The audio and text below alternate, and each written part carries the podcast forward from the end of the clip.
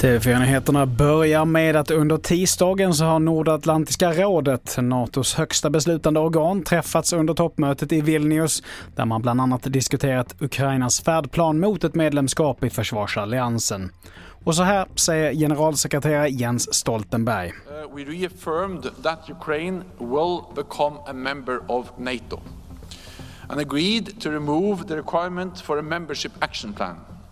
We also made clear that we will issue an invitation for Ukraine to join NATO when allies agree and conditions are met. Vi fortsätter med att ytterligare sex personer har nu dömts efter upploppet i Sveaparken i Örebro 2022. Det rapporterar tidningen Närkes Allehanda.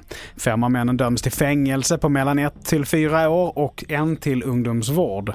En av männen döms dessutom till utvisning.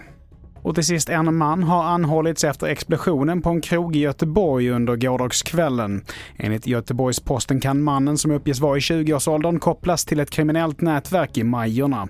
Åklagare Mats Ilbom som leder förundersökningen är dock förtegen både vad det gäller den misstänkte mannen och motivet bakom, men säger att han är anhållen på goda grunder. Fler nyheter hittar du på tv4.se. Jag heter Mattias Nordgren.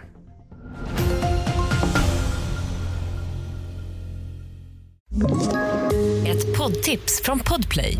I fallen jag aldrig glömmer djupdyker Hasse Aro i arbetet bakom några av Sveriges mest uppseendeväckande brottsutredningar.